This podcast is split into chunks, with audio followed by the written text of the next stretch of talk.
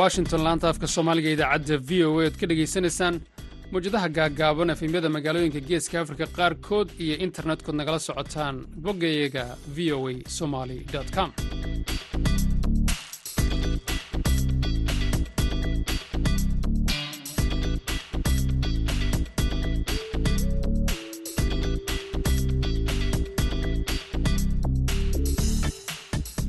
duhur wanaagsan dhegaystayaal waa maalin talaada. Ah bisha sebtembar waa kun iyo afrikada bari saacaddu hadda waa kowda iyo barhka duhurnimo. Idaacadda dhallinyarada maanta amaba idaacadda duhurnimona waxaa idinla socodsiinaya. Anigoo ah maxamed cabdi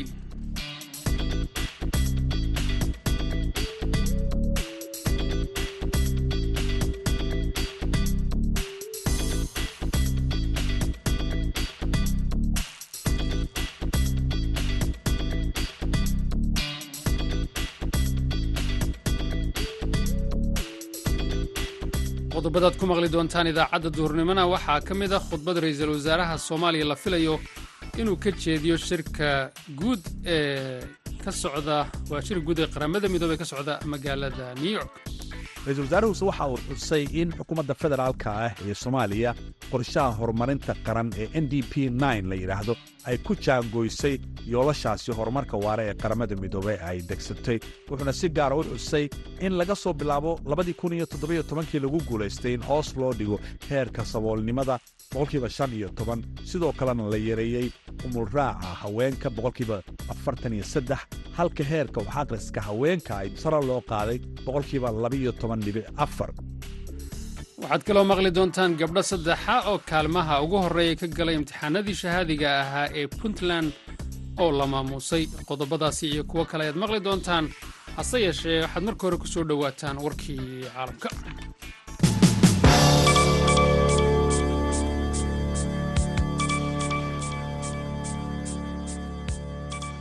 dowladda kanada ayaa isniintii ku eedaysay dowladda indiya inay ku lug leedahay dilka hogaamiye reer kanada oo ka soo jeeda bulshada siikha.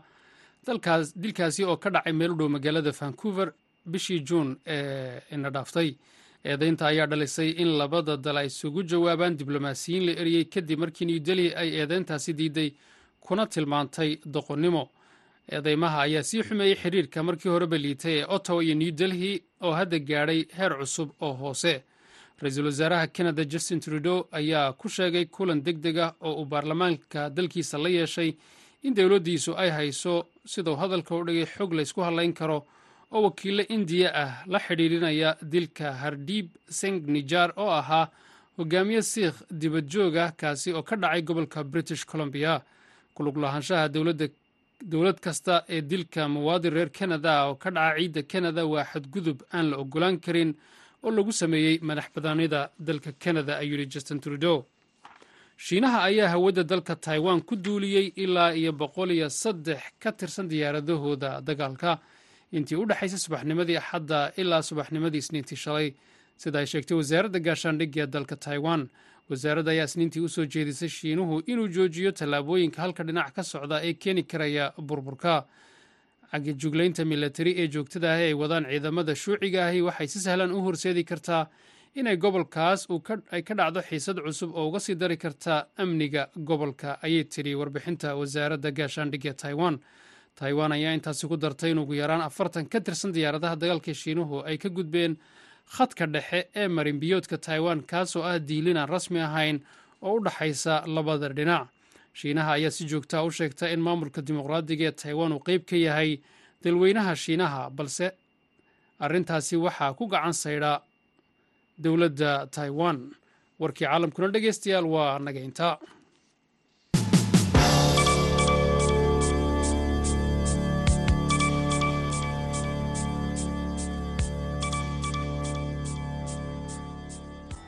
duhur wanaagsan mar kale dhegeysta lamaantiin balkaad warkaasi kala socotaanna waa v o a washington.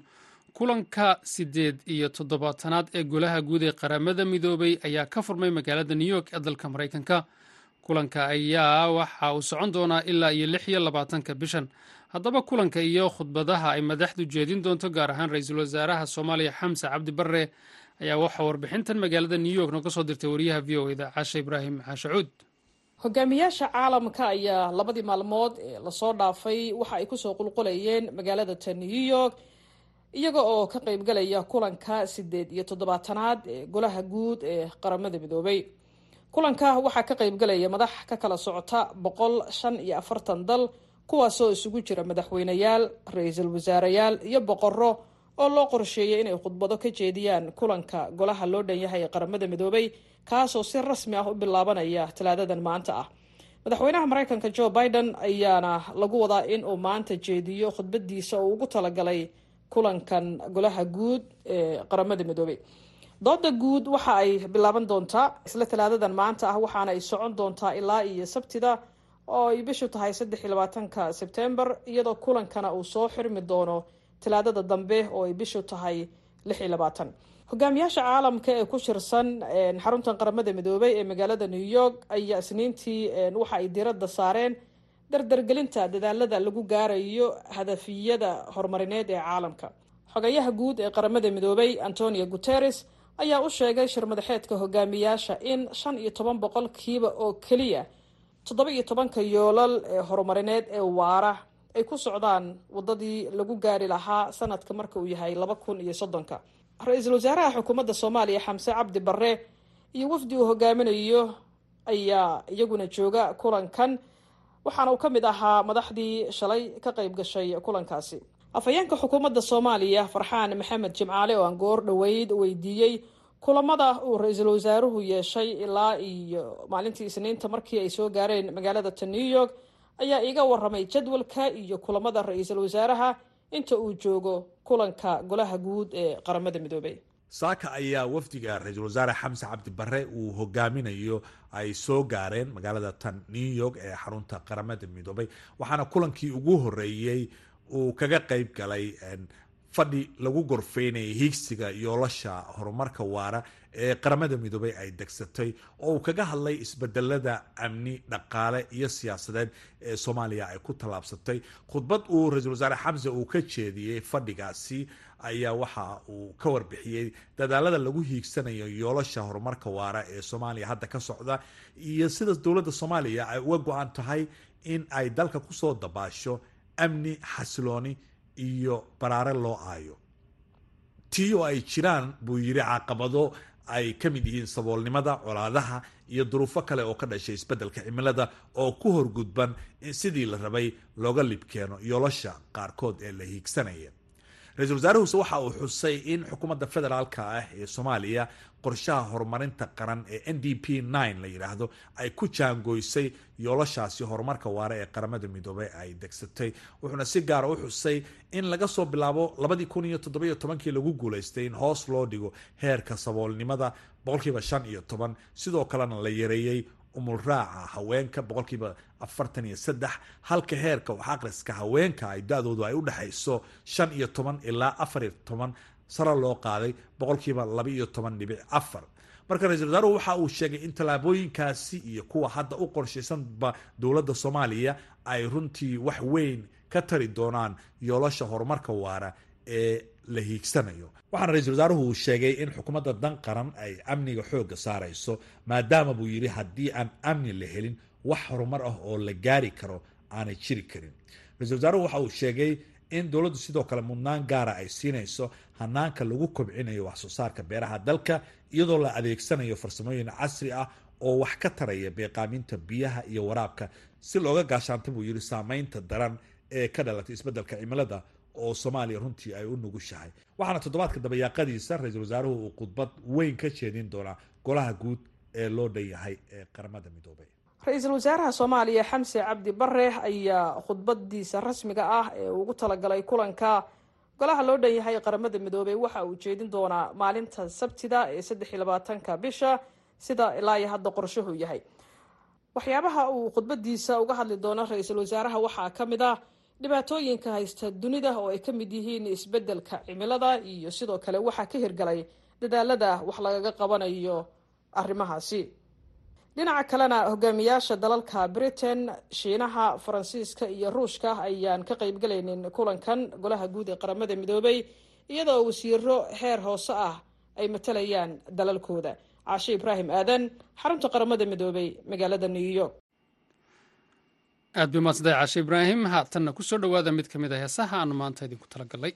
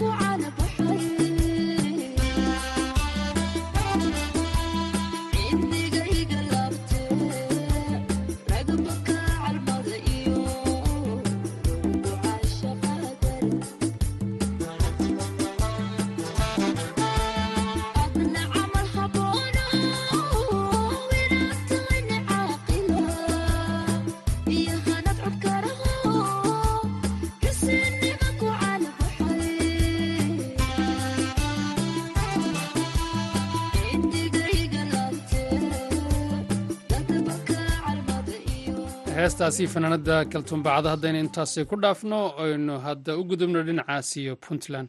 Imtixaanadii shahaadiga ee puntland ee dhowaan lagu soo gebagabeeyey halkaasi ayaa kaalmaha ugu horreeya waxaa kow ilaa iyo saddex galay gabdho taasi oo muujinaysa dadaalka ay gabdhuhu ku bixiyaan waxbarashada. Dad badan ayaa ku doodaya in gabdhuhu ay dhanka waxbarashada kaga wanaagsan yihiin wiilasha. Magaalada qardho waxaa lagu qabtay munaasabad lagu weyneynayo dadaalka gabdhahaasi iyo kaalmaha ay galeen wariyaha v o eda ee boosaaso yuusuf maxamuud yuusuf ayaa warbixinta noo soo diray.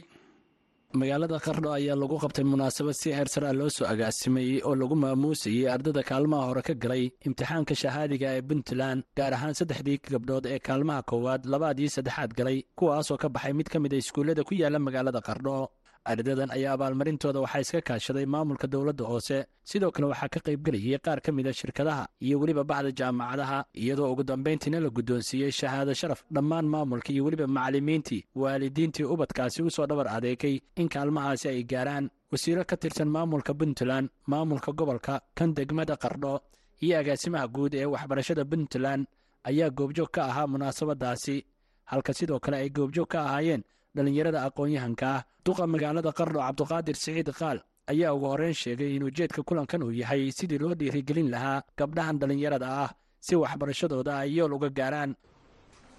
Ujeedka intaa ka dambaysana waxaa weeye in la dhiirigeliyo waxbarashada. Haddii la maamuuso ardayga ku dadaala waxbarashada oo kaalin sara gala. Waxay dhiirigelinaysaa ardayda dhiggiisa ah oo iskuulka kaga dambeeya oo iskuulka ku jira inay iyaguna dadaalaan.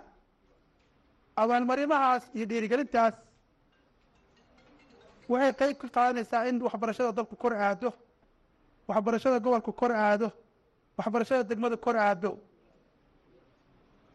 Marka waxaan rabaa inaan marka koowaad u hambaliyeeyo saddexda arday oo halkan caawa lagu maamuusayo asmaa maxamed maxamuud israa cali khaliif iyo fahiimo ismaan siciid inaa idhahdo markooda hambaliyo waa dadaasheen. Dadaalka halkaa ka sii wada. Waxaa ini dhiman maanaa jarajaro dheer baa ini dhiman. Ma dhow waxbarashadu. Secondaryga waa hadda ka baxdeen. Ilaa waxaan iga rabaa jaamacadda meesha ugu sarraysan aad ka gaartaan.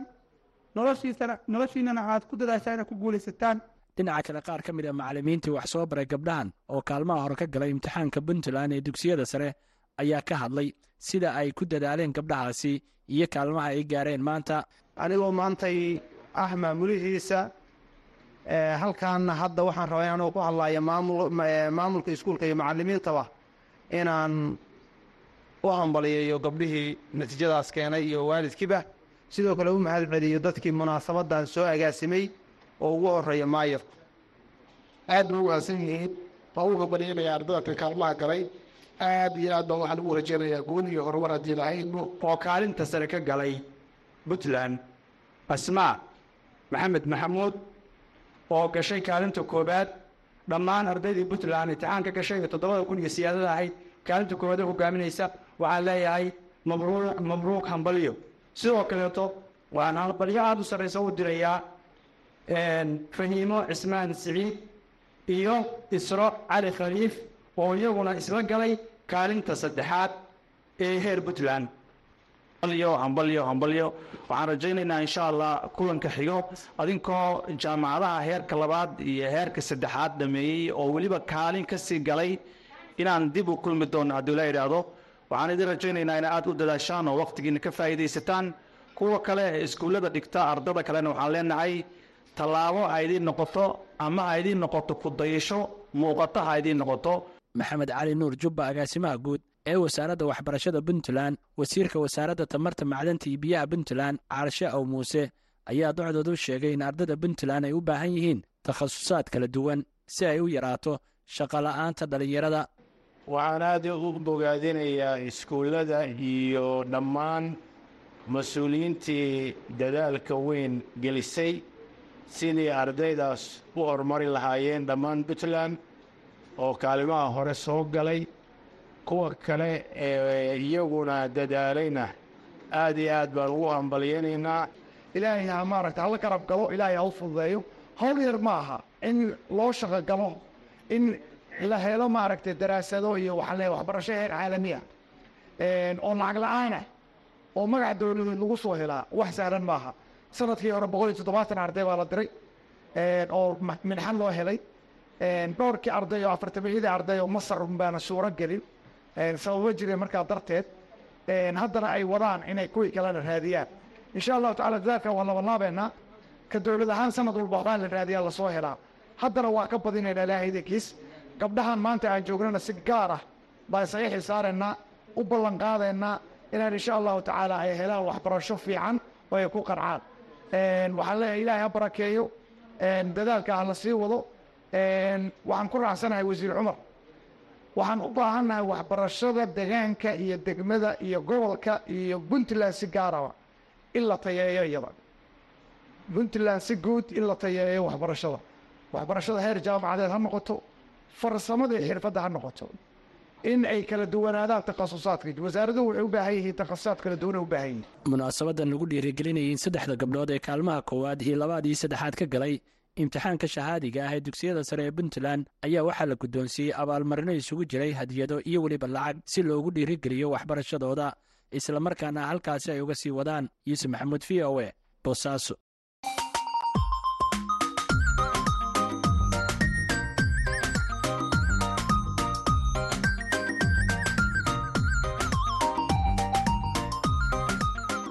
bandhiga v o e barnaamijka bandhiga v o e waa barnaamij idinku tala gashay laanta af soomaaliga ee v o e bandhigga v o e waxaad khamiis walba kaga bogan kartaa qormooyin kala duwan oo la xidhiidha taariikhda iyo aqoonta guud dhaqaalaha sharciga iyo samafalka.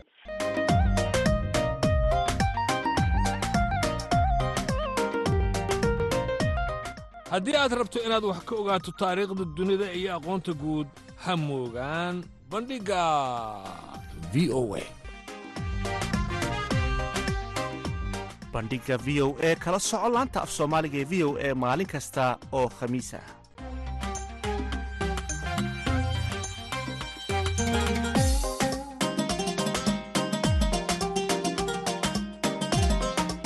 duhur wanaagsan mar kale dhegaystay lamaantiinba waxaan ku sii soconnaa gebagabadii idaacaddayada aan idiin soo qabto mar kale heesta maanta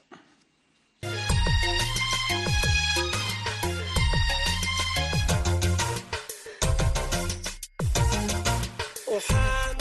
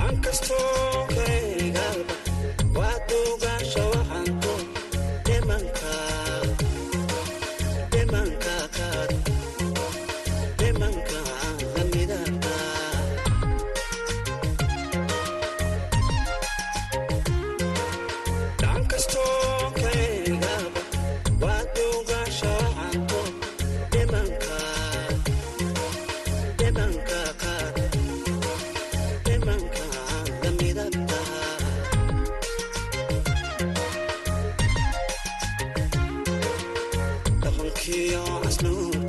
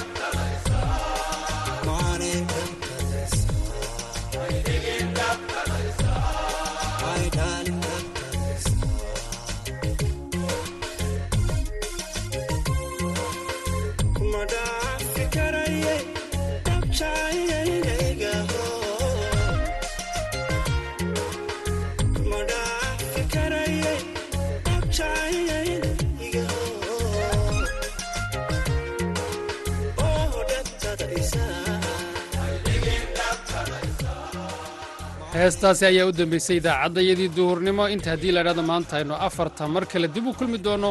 Waa anigoo maxamed cabdi iyo dhammaan saaxiibada v o idinle sidaas iyo duhur wanaagsan